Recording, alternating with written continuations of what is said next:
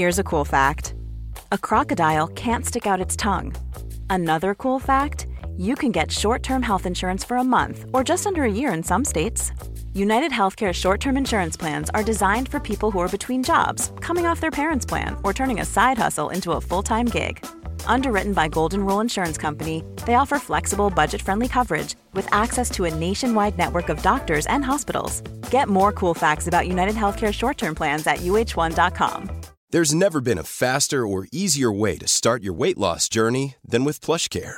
PlushCare accepts most insurance plans and gives you online access to board-certified physicians who can prescribe FDA-approved weight loss medications like Wigovi and Zepbound for those who qualify. Take charge of your health and speak with a board-certified physician about a weight loss plan that's right for you. Get started today at plushcare.com slash weight loss. That's plushcare.com slash weight loss. plushcare.com slash weight loss. Quality sleep is essential. That's why the Sleep Number Smart Bed is designed for your ever evolving sleep needs. Need a bed that's firmer or softer on either side? Helps you sleep at a comfortable temperature? Sleep Number Smart Beds let you individualize your comfort so you sleep better together. JD Power ranks Sleep Number number 1 in customer satisfaction with mattresses purchased in-store. And now, save 50% on the Sleep Number limited edition Smart Bed for a limited time. For JD Power 2023 award information, visit jdpower.com/awards. Only at a Sleep Number store or sleepnumber.com. Since 2013, Bombas has donated over 100 million socks, underwear, and t-shirts to those facing homelessness. If we counted those on air, this ad would last over 1,157 days. But if we counted the time it takes to make a donation possible, it would take just a few clicks. Because every time you make a purchase, Bombas donates an item to someone who needs it. Go to bombas.com slash ACAST and use code ACAST for 20% off your first purchase. That's bombas.com slash ACAST, code ACAST. I don't need a lot of brains in this business. I mean, I've always said if you got an IQ of 160, give away 30 points to somebody else because you don't need it in investments. What you do need is emotional stability. Wow. Very first tech IPO, and it's a big one. Stock market hit an all-time record high today. A crash is coming. Now, whether it's six months from now, 12 months, 36 months, no one knows. There's a bear market about every five years. We've gone eight years without one. People have to realize this is the biggest IPO ever. Hej och välkommen till ett nytt avsnitt av Market Makers. Hur är läget med dig Fabian? Jo men det är bra, jag har äntligen sett nyaste Game of Thrones, jag har också sett nya Endgame, så att jag kan inte bli spoilad på någonting på internet längre, behöver inte vara rädd för att öppna upp Twitter, behöver inte vara rädd för att öppna upp Facebook, det är bara att köra. Jag är en sån som inte har tittat så mycket på Game of Thrones, så att jag inte... Och, men däremot har det, jag Avengers... Men det är bra, för du, du kan inte få ditt hjärta krossat av hur dåligt det är nu för tiden. däremot har jag Avengers Endgame inplanerad på torsdag. Men som tur är då släpps ju podden på torsdag, så ingen kommer veta det här förrän då. Så, så, så, så, du menar nu att jag kan spoila vad som händer om inte du är snäll mot mig? Ja, fast jag kommer inte tro det. Hur som helst, eh, vi ska prata idag, vi, vi har ett spännande avsnitt idag. Eh, det är ju faktiskt du som har varit ansvarig nu för att, att du tog fram den här idén, eh, och jag tyckte att den var helt idiotisk. För att vi brukar göra sådana sektoranalyser, det har vi gjort väldigt mycket av.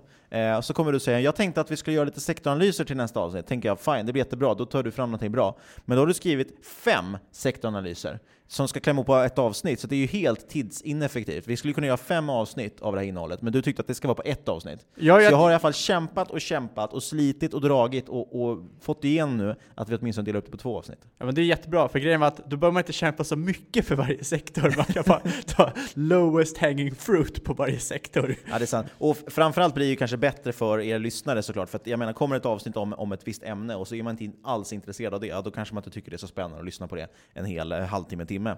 Skitsamma, vi ska i alla fall köra då fem stycken framtidsbranscher som kallade megatrender. Det här kommer ju folk bli väldigt, väldigt sugna på att höra tror jag. Eh, men som sagt, vi kör två av dem idag och sen så kommer vi lägga då tre av dem i, blir det nästa avsnitt? Jag tror att det blir nästa avsnitt. Det blir nästa avsnitt. Jag Om det inte kommer det, för jag är bortrest i helgen, så då får du skriva klart det sista. Men innan vi drar igång med det så tänkte jag att vi snabbt ska snacka lite om halvledare och halvledarbolag. Semiconductors. Exakt, det har ju visat sig nu att de har haft lite tufft Q1 och... Sämst conductors. Exakt! sämst i conductors. Och eh, det har ju faktiskt varit fjärde största tappet i omsättning på 35 år. Det är ju rätt intressant. Omsättningen föll med i snitt 16% för de här bolagen i Q1 enligt World Semiconductor Trade Statistics och 30% year on year. Men du, jag har för mig att det var någon podd som pratade om det här i höstas och sa att det här var på väg. Och jag tror att folk sa så här, men håll käften, makro spelar ingen roll. Ja, men Eh. så sa vi att det skulle bli så här. fan nu låter vi riktigt dryga. Eh, men var, vi pratade faktiskt om det här, vi pratade faktiskt om det här i höstas och varnade för det. Eh, då var det redan på gång. Vi kommer ihåg att, eh, att det var Nvidia bland annat som föll kraftigt, kraftigt på rapport och vi sa att det här är nog bara början på det. Eh, för det är ju en ledande indikator, brukar man prata om. Exakt, och det är det De är ju halvledare, men de är ledande indikatorer. Kan vi bara bryta podden där och aldrig köra igen. Men exakt. Och eh, det man ska ha koll på, går det dåligt för halvledarbolagen nu så kan man ju förvänta sig minskad försäljning från företag som köper in halvledare i framtiden, alltså om ett eller två kvartal. Och vilka det är? Jo, det är ju konsumentprodukter. Precis, som eh, bolag som Apple eller vad det än kan vara för någonting. Samsung. Samsung såg, Samsung såg vi också och hade ju rekord, eh, eller katastrofkvartal, ska man säga, rekordstort tapp. Eh, ja, det var, det var, det var inte särskilt roligt. Eh, sen har vi lite så här, det har ju varit nu också samtidigt en, en ganska stor push. Vi hade ju en fin BNP-siffra på om man bara tittar på den på pappret, men tittar man på hur faktiskt vad den bestod av så var det inte så intressant. Eh, mycket av det som drev på den, förutom att man använde en, en, en falsk liksom, inflationssiffra i den, eh, så är det ju också att just att folk bygger upp lager. Eh, och det här är ju många som har pratat om just att för att man oroar sig så mycket för det här eh, vad heter det, handelskriget och så vidare så har ju bolagen bunkrat upp, det vill säga ökat sina importer eh, och sett till att man har bunkrat upp lager innan det blir dyrare att importera. Eh, så det, det kommer nog sakta ner ganska rejält härifrån. Jag såg bara häromdagen eller idag, förlåt, idag var det till och med eh, statistik på bolagen som har rapporterat nu S&P 500, nu har ju majoriteten ändå rapporterat, eh, så ligger ju alltså det ensiffriga tillväxttal. Och det låter ju fortfarande bra, för tillväxt vill vi ju ha såklart, det är ju roligt när det stiger. Men det kan man jämföra med, tittar vi tillbaka ett halvår där vi är rekordsiffror, då steg det ju med runt 20-24 procent sånt där låg omsättningstillväxten på i snitt. Eh, så poängen är att Tittar man på förändringstakten i det här så ser vi att det är en, en kraftig, kraftig inbromsning. Eh, och den kommer nog framförallt bli väldigt jobbig i, i Q2, Q3 typ. Exakt. Men eh, jag vill bara ta upp en sak till innan vi börjar. Och eh, jag tänkte fråga dig om det här förra avsnittet, vad du tycker om det. Eh, för det är någonting jag har tänkt på om jag glömde bort det, så jag tänkte fan jag måste komma ihåg det till det här avsnittet och bolla med dig. För det går inte att ta upp det via Messenger, för du har verkligen blivit som en pappa och skickar bara tummen upp nu för tiden. Men jag tänkte, eh, för jag kollade på så här topplåtar i världen, och så fanns det en låt som heter Old Town Road, har du hört den? Nej. Eh, nej okej, men det är en countrylåt. Det som är intressant är att den har kommit typ tvåa, och sen har remixen kommit som trea. Och På den, världens mest lyssnade låtar. Exakt. På De har slagit så här streamingrekord. Men det jag undrar över, för när man lyssnar på den så låter det så här. ah, hur ska jag förklara det här nu? Som att den inte är klar i slutet. Vilket, det låter liksom som den bygger upp mot en refräng. Vilket känns som, när man lyssnar på den, som man vill liksom missa någonting när låten är klar. Som gör att man kanske sätter på den igen. Aha, får jag höra det en gång till ja. Exakt. Och varför tar jag upp det här? Jo, för att man rör sig mer mot en värld där man streamar saker. Och du får betalt per stream. På Spotify är det till exempel när du har streamat i 30 sekunder. Så det jag tänker är att om du får personer att vilja spela upp liksom, för en vanlig låt, vi säger att för kanske 10-20 år sedan, eller ja, i all historia, så gör du en låt och skriver en låt, då vill du sälja den låten som en enhet. Mm. Och då gör du liksom en eh, story eller vad som helst, som när du lyssnar på den låten känner du dig klar, i stort sett. Men kommer man då dras mot en produkt, nu när man använder streaming, där man liksom gör en låt som försöker liksom göra så att du vill klicka igång den igen. Mm. För att det blir någon sån här dragning, någon typ av, något sug för att du inte har liksom hört klart den, om man ska säga. Det finns ju ett band, jag var tvungen att googla upp vad de hette, Wolfpack. Som, eh, deras album vart ju bortplockat av Spotify, från Spotify, för att de enbart har lagt ut det för att nyttja just Spotify och generera intäkter. Jag tror kanske vi har nämnt det i podden för länge, länge sedan. Eh, det var helt enkelt så att de kom på att vi skulle, de skulle sponsra en turné de hade, eller få ihop pengar till en turné. Så då la de ut ett album som hette Sleepify, som enbart var tomma låtar. Det var helt Just tyst. det, ja. Typ tre minuter tystnad per låt. Eh, för då fick de betalt per låt. Eh, och folk då streamade det här, för de slog igång den när de skulle sova, så stod det bara loopa, loopa, loopa. Och Spotify fattar ju liksom inte vad som händer, alltså deras algoritmer förstår inte det, vad som händer. Utan, så de bara streamar de här helt tomma låtarna som inte hade kostat något att skapa. Eh, och totalt tog de in ungefär ja, drygt 200 000 kronor på det här, då för att kunna finansiera sin turné. Sen drog okej. Spotify bort albumet, för de märkte att någonting var ju galet där. Eh, så det är absolut så att folk hittar nya sätt att försöka nyttja det här. Och det generellt man pratar om som branschen går mot är väl att just att man ska sälja mer turnéer. Det är där man tjänar pengar. Då. Det är väldigt svårt att tjäna pengar på streaming. Exakt, och det, där jag undrar liksom, om man börjar skapa för att... Eh, för man ser ju redan det här kanske på till exempel Netflix-serier. Att du kanske skapar serier som är bättre för Binge-watching. binge-watching liksom. än kanske och gamla precis som att YouTube, när det kom en gräns då, när de, när de började in med en annonser på YouTube, så började de ju också, satte de ju någon gräns för att om en, är den så här många minuter lång, då kommer en annons i mitten. Eh, och då helt plötsligt vart ju allas videor exakt den längden. Eh, så jag menar, det är klart att folk nyttjar det där på olika sätt och det anpassar sig. Eh, det är väl en del kan man väl säga av, av kapitalismen kan man kanske kalla det för, att folk anpassar sig efter marknaden.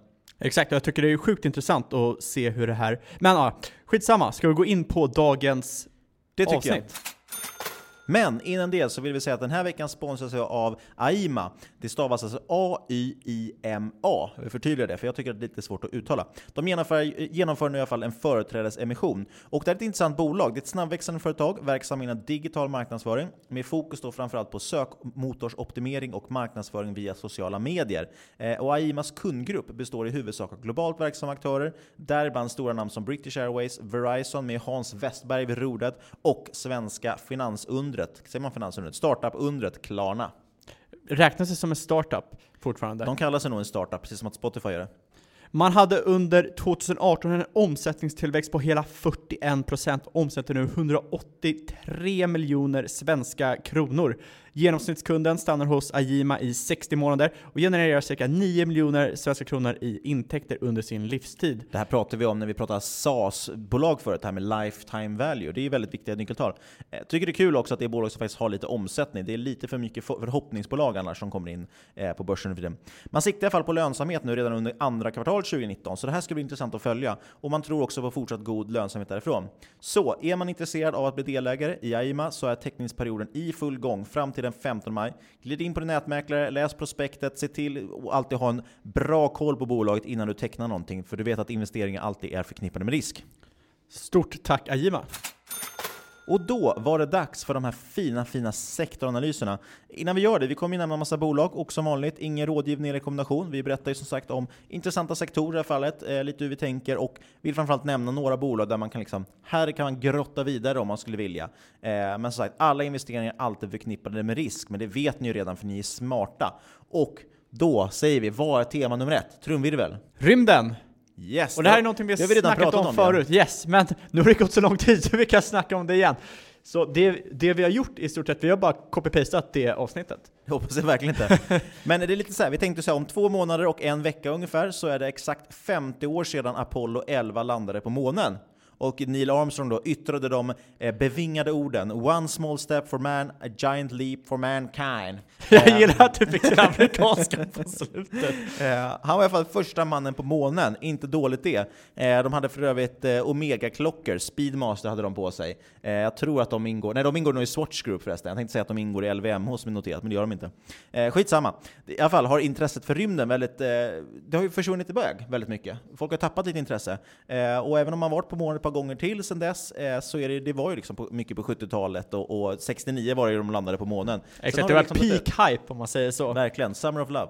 Ja, exakt. Men i alla fall till relativt nyligen eh, så var det ju så. Men nu har man ju sett ett nytt entreprenöriellt driv som tagit över temarymden och eh, tagit över från olika typer av myndigheter. Och är man då kapitalist, som vi i podden skulle säga att vi är, så anser man ju att det här, ja, det, det är rätt bra. Privata aktörer kan göra det mesta bättre än de statliga aktörerna. Och det här gör ju att rymden är väldigt intressant. Jag var tvungen förresten, förlåt att jag avbryter här, men jag var tvungen att bara kolla upp det här med Swatch förresten som äger Omega. De är faktiskt noterade på schweiziska börsen. Så det kan man faktiskt kolla, det kan man ju köpa om man skulle vilja det.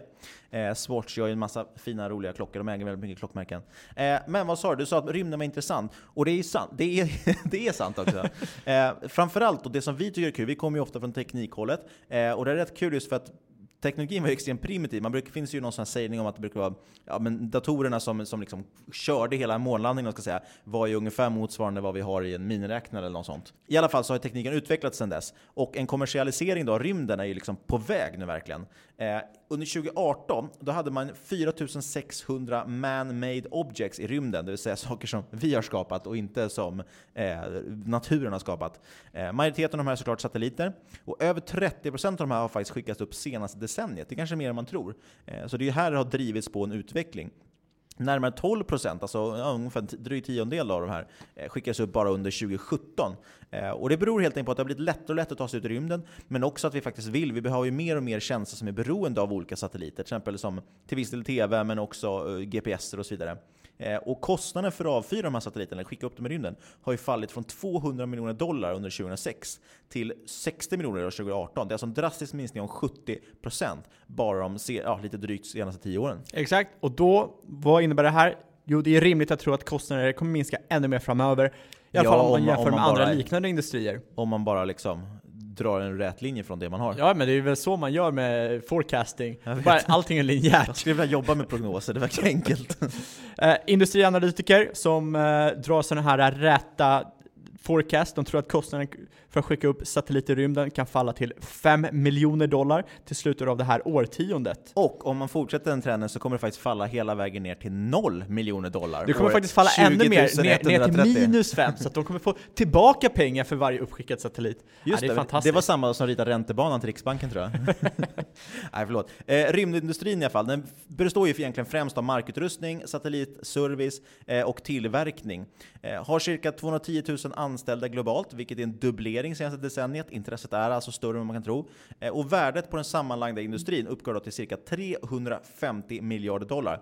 Men kan då enligt investmentbanken Morgan Stanley, som är ypperligt duktiga på att rita här räta linjer, vara värt över en biljon dollar vid 2040. Det är alltså en tredubbling på 20 år. Vad blir det för kagger? Ja, men det blir väl Jättemycket! 3-4 procent eller något sånt. Men majoriteten av den här tillväxten, var kommer den komma ifrån tror ni? Jo, från bredband. Och då kan man ju tänka sig, hur då? Jo, en exponentiell tillväxt i datahantering kommer drastiskt öka behovet för bredband. Internettrafik förutspås öka cirka 60 gånger mellan nu och 2030 enligt Cisco, vilket är helt enormt. Och eh, enligt dem själva är det här en konservativ uppskattning. Det är rätt otroligt. Eh, I dagsläget är ju faktiskt bara lite drygt hälften av världens befolkning uppkopplad mot internet. Eh, så det, det finns ju en extremt stor marknad liksom som står utanför som man kan koppla upp. Och det här har vi också pratat om mycket i podden, bland annat inom IoT och sådär, för att det avsnittet att vara. Eh, I alla fall, man lägger på det här lagret och kunna överföra det här oändligt ökande massa med data. Då förstår man liksom att ja, vi har massa människor som ska kopplas upp, vi har massvis med data som ska slussa runt. Det finns väldigt mycket behov av ökad bandbredd och ökad täckning. Enligt Världsbanken, alltså den enda banken som finns i världen, The World Bank, så förväntar man sig att en ökning om 10 procentenheter i internetpenetration eh, kan öka globalt BNP med 0,8 procentenheter i utvecklade länder och nästan 1 procentenhet i emerging markets. Och vilka företag är det då som kan casha in på den här trenden vi pratar om? Alla känner säkert till SpaceX, det vill säga, SpaceX, det vill säga Elon, Musks bolag, rymdbolag. Och det kan, vi, det kan vi få ex- exponering vilja köpa Tesla. Har hört ett jättebra bolag. Ja, och sen finns det faktiskt också jättarna Google och Facebook. Eh, det kanske man inte kan tro, men jag, det är som sagt återigen, vi har tjatat om det, för jag har pratat om det förut, men Google och Facebook, vi har ju pratat om deras just eh, satsningar på att få internet som ska täcka hela världen. Det är ju ett, egentligen om man tänker på det, om man drar ut det lite så är det ju ett ganska naturligt steg. Att, jag menar, bästa sättet för Google att växa, ja, det är att det finns fler människor som använder internet. Samma sak med Facebook, och då vill man då nå ut till ställen där det inte finns internet idag, så de satsar ju mycket på den biten. Eh, de har i alla fall allihopa, de här tre bolagen, SpaceX, Google, Facebook, fått godkännande att skjuta upp egna satelliter de kommande åren. Eh, och det som är intressant är att konsekvensen av allmänt bredband, det vill säga bredband som flera människor kan ha, i den här formen, formen av satelliter, då, det blir ju ett radikalt skifte i liksom genomsyn, datainsamling, eh, och några har börjat kalla det här för extreme data, som då ska jämföras mot big data, som är en liten piss i havet jämförelse. Ja, big data kommer att vara töntiga liksom. Det kommer vara... Så 2017. Det kommer vara så, så 2017, kommer kommer att se tillbaka där och så bara ah fan spelar ni Tetris? Jag spelar Call of Duty, jag vet inte, jag kommer inte på ett bättre Fortnite, jag har ingen aning. Men, eh, data samlas upp via satelliter som ni kan tänka er, men det används för att öka effektiviteten inom jordbruk, logistik, retail och mycket, mycket mer. Och det finns företag redan nu som använder satelliter för att samla in data på till exempel oljekedjor, eh, oljekedjor, oljekällor menar jag, eh, eller för att bättre prognostisera majsskördar.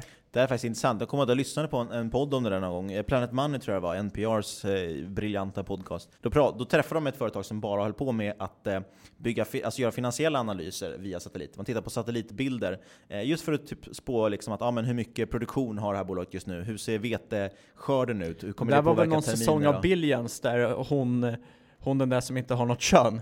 Just det. Eh, eller jag kommer inte ihåg, det var så länge sedan jag kollade på Billions nu så det är säkert... Taylor Mason. Ja, Ja. exakt, så den kommer vara jättearg på mig. Det var inte så PK. Eh, I alla fall, men då använde de ju satelliter för att kolla på halvledarbolag här för mig. Att de skuggade, ja men all, alla, eller det var något chip, alla chip kommer från den här fabriken, eller det var något sånt. De använde satelliter i alla fall, och så drog de på en världens trade och så blev de superrika, wow.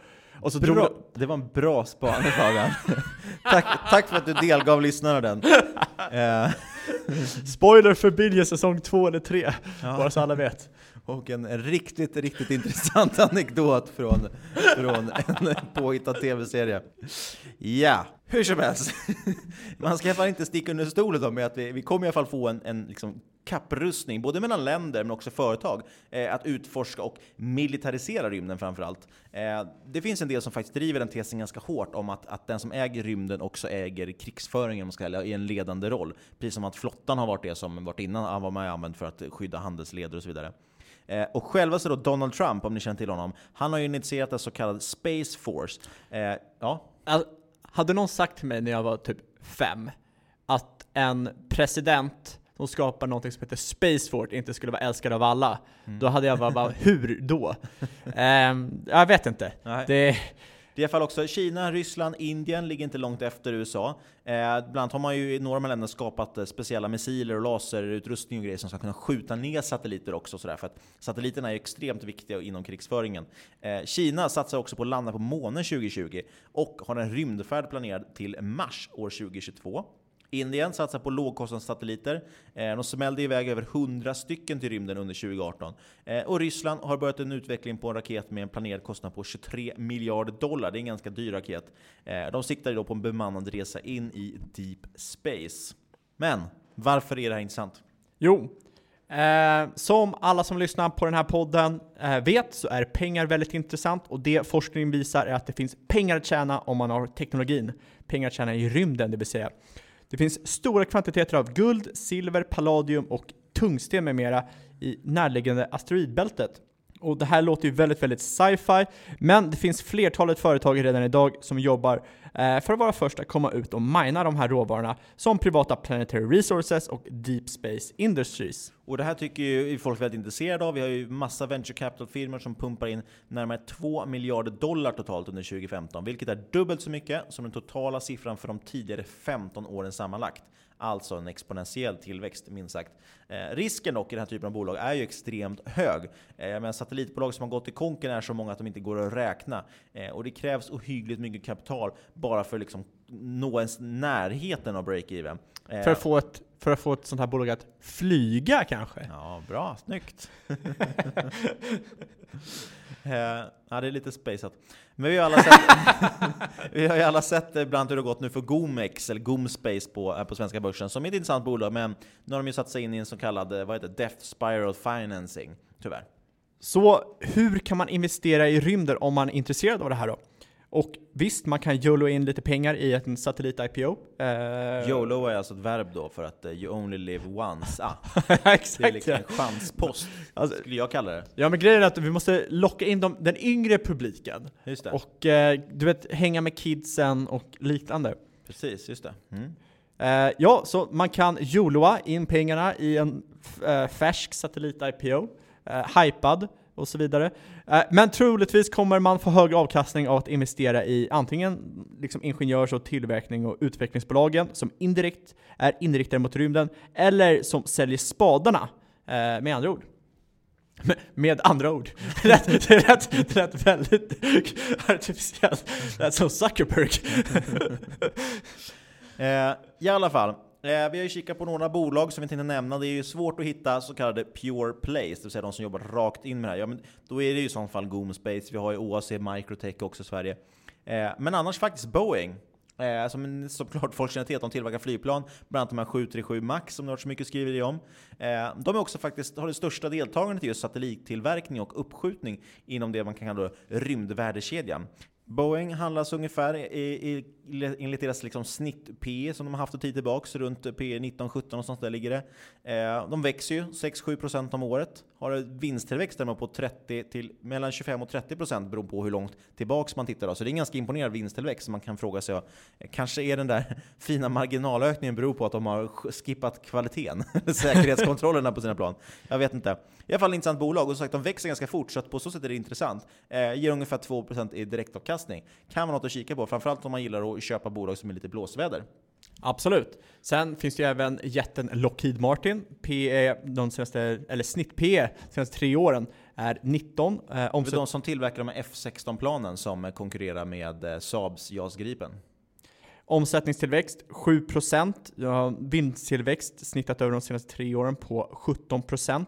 Eh, EV-EBIT. Också en fin eh, marginalökning. Ja, absolut. Eh, 13,5. Och sen har du ju PEG som är, jag kanske ska säga att alla de här äh, talen jag rabblar upp är snittade över tre år. Ehm, då har du ju ett PEG på 1,3 vilket äh, helt klart är väldigt trevligt. Men då ska man ju säga att de hade ju minus 13 under 2015 så precis utanför det här intervallet då, så såg man ett rejält tapp i growth där. Och direktavkastning på 2,5%. Det kanske inte är super eh, superintressant om man liksom jämför historiskt. Till exempel, eh, kollar man på P-talet så P-snittet för det senaste 10 året ligger ju då på 15 och då kanske ett P tal på 19 inte är superintressant. Jag kan tänka mig, apropå de här räta linjerna, som sagt, vi har ju sett, båda de här bolagen har haft en jättefin marginal eh, då. Och då är det intressant att fråga sig varför den har pågått och om den kan fortsätta, för det är det som har gjort att de har fått så, fina vinst, så fin vinsttillväxt och gör att de faktiskt värderas upp också. Eh, men sagt, det kan vara intressanta bolag. Om inte annat så är det ju stora fina kvalitetsbolag som så fint heter. Ja, bolagen gynnats extremt eh, väl senaste cykeln av de låga räntorna och billiga pengar. Och de flesta ligger över sitt historiska snitt. Och det har ju varit många som har gått mot den här typen av bolag tack vare sektor-ETFer och så vidare. Eh, just att man gått mot försvarsindustrin och så väldigt mycket. För det här är ju sådana bolag som tillverkar eh, olika typer av försvarsutrustning. Och vi tog även med franska, jag vet inte om man uttalar det, Thales eller Thales eller någonting. Tal. Jag är inte så bra på, på franska. Eh, men de värderas ungefär liknande. Alla de här ligger på liksom samma nivå, runt där mellan liksom ett P tal på runt 20 någonting, mellan 15 och 20, ett eh, PEG på, på helt okej nivåer och eh, direktavkastning runt 2%. Eh, vi behöver inte gå mer på det. Sen finns det ju också såklart Airbus, det kan jag uttala fast det är franskt. Och så har vi också amerikanska Northrop Grumman. Eh, alla har faktiskt relativt snarlik värdering. Det brukar vara så här med den här typen av bolag, de har funnits länge, eh, de är ganska stabila ändå över tid. Då brukar de liksom någonstans ändå hamna i ett, ett snitt på något sätt som är ganska likt. I alla fall, det är en liten lista med några bolag. Förutom GoSpace, OAC, Microtech och sånt som många tjatar om på, på olika Twitter och, och, forum och så vidare. Men de snackade vi också om förra gången vi hade en rymd, rymdavsnitt. Precis, så det avsnittet kan man gå tillbaka till. Nu har jag inte det numret i huvudet, vilket det är. Men, Pre-20. Ja, i alla fall, Boeing, Lockheed Martin, Thales, eh, Airbus, Northrop Grumman. Bolag du kan hitta på börsen via din nätmäklare. Eh, Som gynnas av Space-racet helt enkelt. Precis, kan vara en väg in där. Sen ska vi hoppa över till ett annat intressant ämne som Greta Thunberg skulle gilla. Plastic pollution, som det heter. Eh, plastförorening helt enkelt. Och då tänker man, fan det är inte så jävla hett. Och det är det ju inte. Men här finns det kanske lite pengar att tjäna. Om inte annat, det är ett ganska viktigt område också, viktigt ämne. Jag, jag ska fråga, fråga dig en fråga här Niklas, och jag har mm. skrivit ner svaret här ser jag nu, så att du kommer ju kunna svaret. Men låtsas som du inte kan svaret. Ja. Hur lång tid tar det en individ att i snitt genererar lika mycket skräp som man själv väger. Mm. Och då tänker man ju så att om man väger, låt säga någonstans mellan kanske 80-90 kilo, och så tänker man att det borde ta ganska lång tid. Så jag skulle gissa på kanske ett år. Ja, man skulle kunna tro det. Men rätta svaret är faktiskt sju veckor. Och det är ju helt otroligt. Jag kan göra det på fem veckor. Jag kan säkert också göra det på fem veckor. ja. eh, enligt, Fyra veckor. enligt World Bank så kommer vi att 2025, eh, inte så långt bort, sex år alltså, skapar cirka 6 miljoner ton skräp om dagen. Inte per person? Alltså inte du och jag Niklas, utan hela världen då. då. Um, det är en fördubbling från 2010 eh, och mycket av detta hamnar till slut i haven. Och eh, inte minst så förenar vi våra vattenkällor i en allt snabbare takt än vad naturen klarar av att rena dem. Det är faktiskt ett jätteproblem, framförallt sådana här mikroplaster och så vidare som man brukar prata om. Eh, totalt över 300 miljoner ton plast produceras faktiskt varje år runt om i världen enligt den här branschföreningen då, Plastics Europe. Vilket, intressant nog, är ungefär den sammanlagda vikten av hela mänskligheten. Det är faktiskt väldigt intressant. Mycket så här vikt med mänskligheten. Det är så att ni ska förstå hur stort problem det här är. Ännu mer intressant är dock att den här siffran har tredubblats sedan 89, då siffran låg på 100 miljoner ton per år. Eh, och nästan 200 dubblas då sedan 50-talet, då siffran låg på 1,5 miljoner ton per år. Eh, väldigt många siffror. Poängen är att det har dubblats väldigt, väldigt många gånger, och det är väldigt, väldigt mycket plast idag. Eh, alldeles för mycket plast. Per capita handlar det om ungefär 100 kilo i USA och Europa, vilket kan jämföras med 20 kilo i Asien. Så varje person i USA och Europa producerar ungefär 100 kilo plast per år. Det här förväntas växa då med ungefär 20% de kommande fem åren, främst drivet av urbanisering och industrialisering. Otippat. Och det stora problemet enligt konsultfirman McKinsey är att efter första användningen så förloras 95% av materialvärdet, vilket motsvarar då cirka 80-120 miljarder dollar per år. Men sagt, mer intressant är ju liksom att det blir väldigt lite av det här och kan återanvändas, så det måste ju finnas bättre ämnen. Exakt, men då kanske vi ska gå in på det här, varför förlorar det så mycket värde då? då? Eh, jo, för det första, endast 14% av alla plastförpackningar återvinns, så det är väl ett jätteproblem. Och sedan när man tar hänsyn till sortering och sen själva återvinningsprocessen så försvinner det material där som inte går att återvinna eller som tappar sina olika typer av materialegenskaper. Eh, så då försvinner ytterligare värde och till slut kommer det endast ut 5% av det som liksom är nyproducerat som kan återvinnas eller ja, som har blivit återvunnet rättare sagt. Hur jämför man det med andra material då? Eller hur står de sig? Eh, vad jag har fått fram, siffror på det här, så papp eh, 82% som återvinns, metall 69% och glas 69%. Så att det är ju rätt stor disparans där. Verkligen. Papp framförallt kan ju vara gynnsamt också för svensk, svensk skogsindustri. Exakt, och så återvänder man där till haven då, då för att liksom eh, så här, pull in your heartstrings eller vad det heter på engelska så innebär det att cirka 8 miljoner ton plast letas ut i haven varje år. Och om detta accelererar i samma takt så förväntas detta dubbleras till 2050 enligt McKinsey. Och det är faktiskt så att enligt McKinsey så kommer det finnas mer plast i havet än fisk sett till vikt. Jag trodde du skulle säga hoppa in, så vi pratar mycket om vikt. Fram till 2050. Ja, jag är lite, sitter i chock här faktiskt. Så det kommer finnas mer plast i haven än fisk. Det känns ju härligt. Eh, de har World Bank igen, de anser att kostnaden för att hantera de här plastproblemen då, kommer uppgå till över 375 miljarder dollar årligen vid år 2025, alltså om sex år. Då. Eh, så det är en stor industri, så att vi, vi lägger undan eh, de, vårt hjärta och fokuserar då lite cyniskt på, på pengadelen. Eh, summa summarum, det är ohyggligt mycket plast som tillverkas årligen. Väldigt lite återvinns relativt sett. Och det som väl återvinns kan man inte använda så mycket av heller. Och det sker nu faktiskt regleringar för att sätta stopp på det här plastanvändandet. Vi har ju sett att det kommer nu eh, pappsugrör och redan bambusugrör testade jag faktiskt i Vietnam. Det var rätt... Nej förlåt, eh, metall tror jag var i. Exakt. Eh, plast är ju lite så här, det lider ju av det här uh, not my problem-grej, som i stort sett allting gör. Det är ju samma sak med jag ska inte ta upp flyg och liknande för att jag tror att det finns bättre sätt att begränsa sådana typer av miljöutsläpp på. Men helt enkelt, ingen vill ju begränsa sitt egna liv eller försämra det för att åtgärda ett sånt här typ av problem. Typ sluta använda plast. Och det är ju klassisk psykologi egentligen. Positiv förstärkning kommer alltid fungera mycket bättre. Inte alltid, nu är det någon psykolog som kommer att kommentera. Men det fungerar rätt ofta bättre än negativ förstärkning. Och därför fungerar det ju inte riktigt att säga ah, men Niklas, sluta använda plast. Det är ju mycket bättre att effektivisera återvinningen och att introducera nytt material, att försöka förändra konsumentbeteendet. Precis, jag tror dock att det är väldigt mycket som man kan byta ut utan att folk skulle tänka på det. Jag, bara, jag, vet inte, jag kommer bara tänka på apropå det här med plast i haven också. Den här gamla, det var ju en informationskampanj, det gick väl på anslagstavlan som fanns en gång i tiden. Eh, apropå det här med att rikta sig mot millennials och ung publik, så kommer de inte fatta det. här. Men an, anslagstavlan, då visade man ju, eller det fanns i alla fall en informationskampanj i Sverige om, om att det var väldigt viktigt att man knöt någonting tungt när man slängde soppåsen i skärgården. För när man var ute med båten så knöt man ihop soppåsen och så slängde man den. Och då var det ett problem att de flöt ju upp och det var ju väldigt fult. Så då hade man en informationskampanj eh, sponsrad av staten då, hur du ska få dem att sjunka så det blir vackert i vår skärgård. Så att alla de här plastpåsarna ligger på havets botten nu. Skitsamma, det var bara inte jag kom tänka på. Eh, det är i alla fall intressant hur det där skiftet har skett, att det är inte riktigt så man gör idag längre. Eh, hur ska man då investera i den här trenden då? Jo, eh, det har vi inte med på listan i och för sig, men jag bara tänkte på Billerud Korsnäs vill jag minnas. Jag skrev ju ut någonting om det här just när jag frågade om det här med pappsugrör och sånt, för det var någon reglering som kom.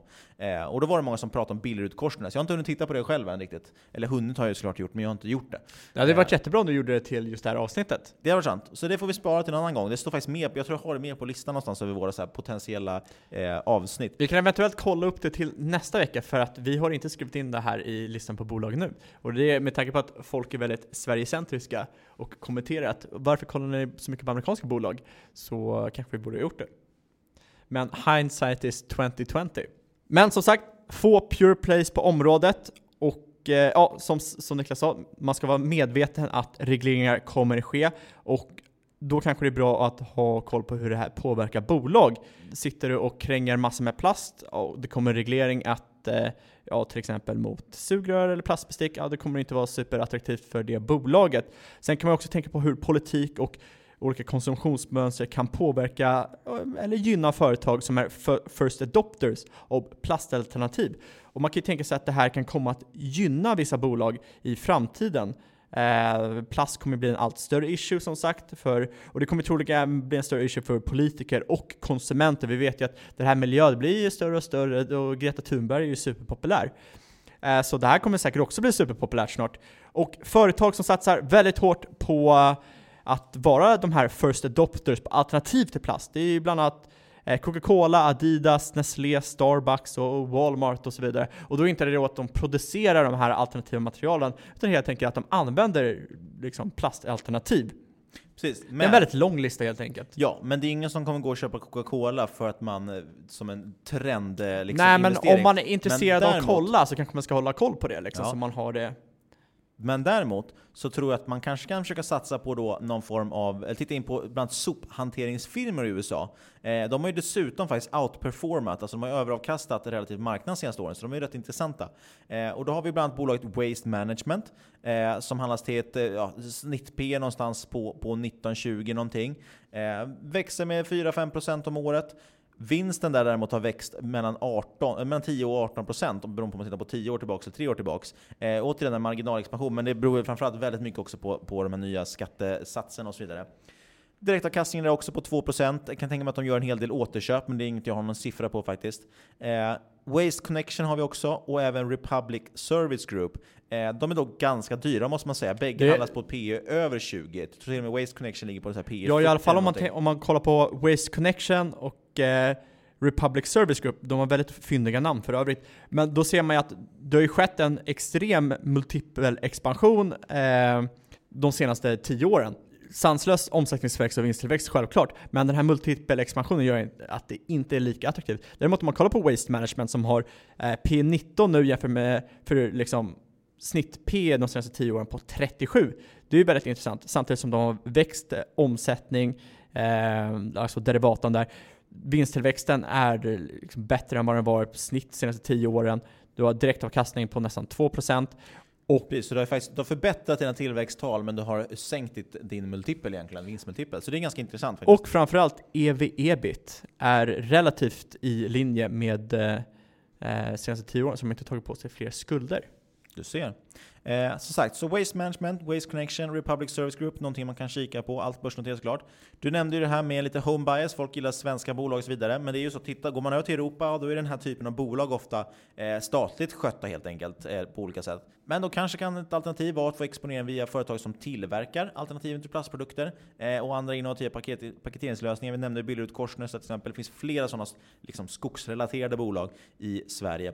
Eh, men liksom generellt då så tenderar de här företagen att tjäna majoriteten av sina pengar på legacy-produkter också. Nu pratar jag alltså om de här som tillverkar plast och plastalternativ och så vidare. Men det kan vara en option på framtiden och då skulle man kunna kika på antingen kemikalieföretag som BASF eller DuPont. Eh, då tänker man också på DuPont-modellen. Ja exakt, och det, det mm. finns ju en koppling där. Och paketeringsbolag som Amcor och DS Smith.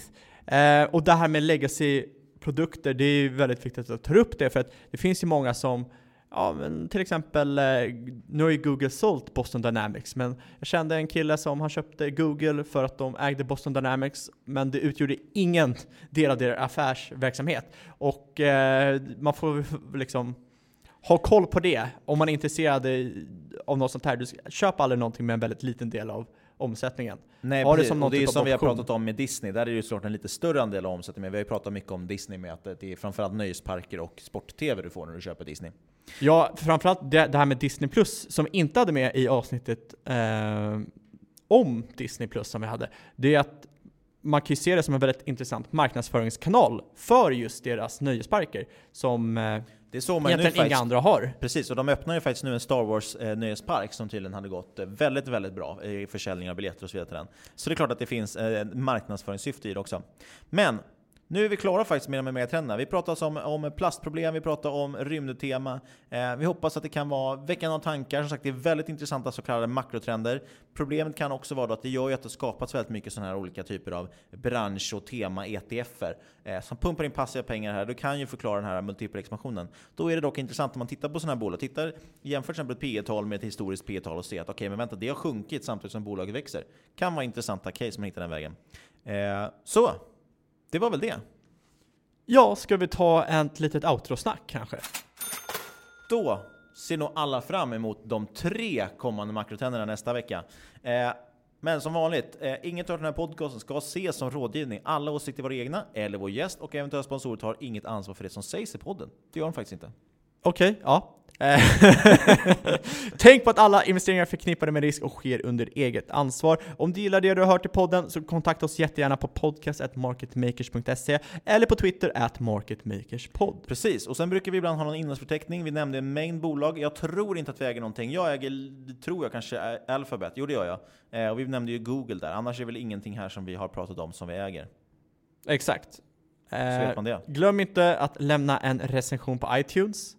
Precis, det hjälper oss jättemycket. Och vi blir såklart jätteglada. Det var, har varit många fina tillrop på Twitter, det blir vi framförallt glada av. Jag vet inte om det hjälper oss så mycket, men vi blir väldigt glada av det om inte annat. Så det hjälper ju rent psykiskt och moraliskt. Det blir som ett moraliskt stöd. Sen vill vi lämna ett jättestort tack till AIMA då, som sponsrar veckans avsnitt. AYIMA söker ni fram. In, verksamma inom digital marknadsföring, marknadsföring via sociala medier och så vidare. Eh, har en massa stabila, fina kunder och har nu en teckningsperiod på deras företrädesemission fram till 15 maj, så kolla in det. Då har ni hela helgen på er att läsa prospekt. Väldigt, väldigt mysigt med andra ord. Precis. Och med det säger vi sist men absolut inte minst, stort tack för att du har lyssnat, kära lyssnare. Och kom ihåg, alla dör i Endgame.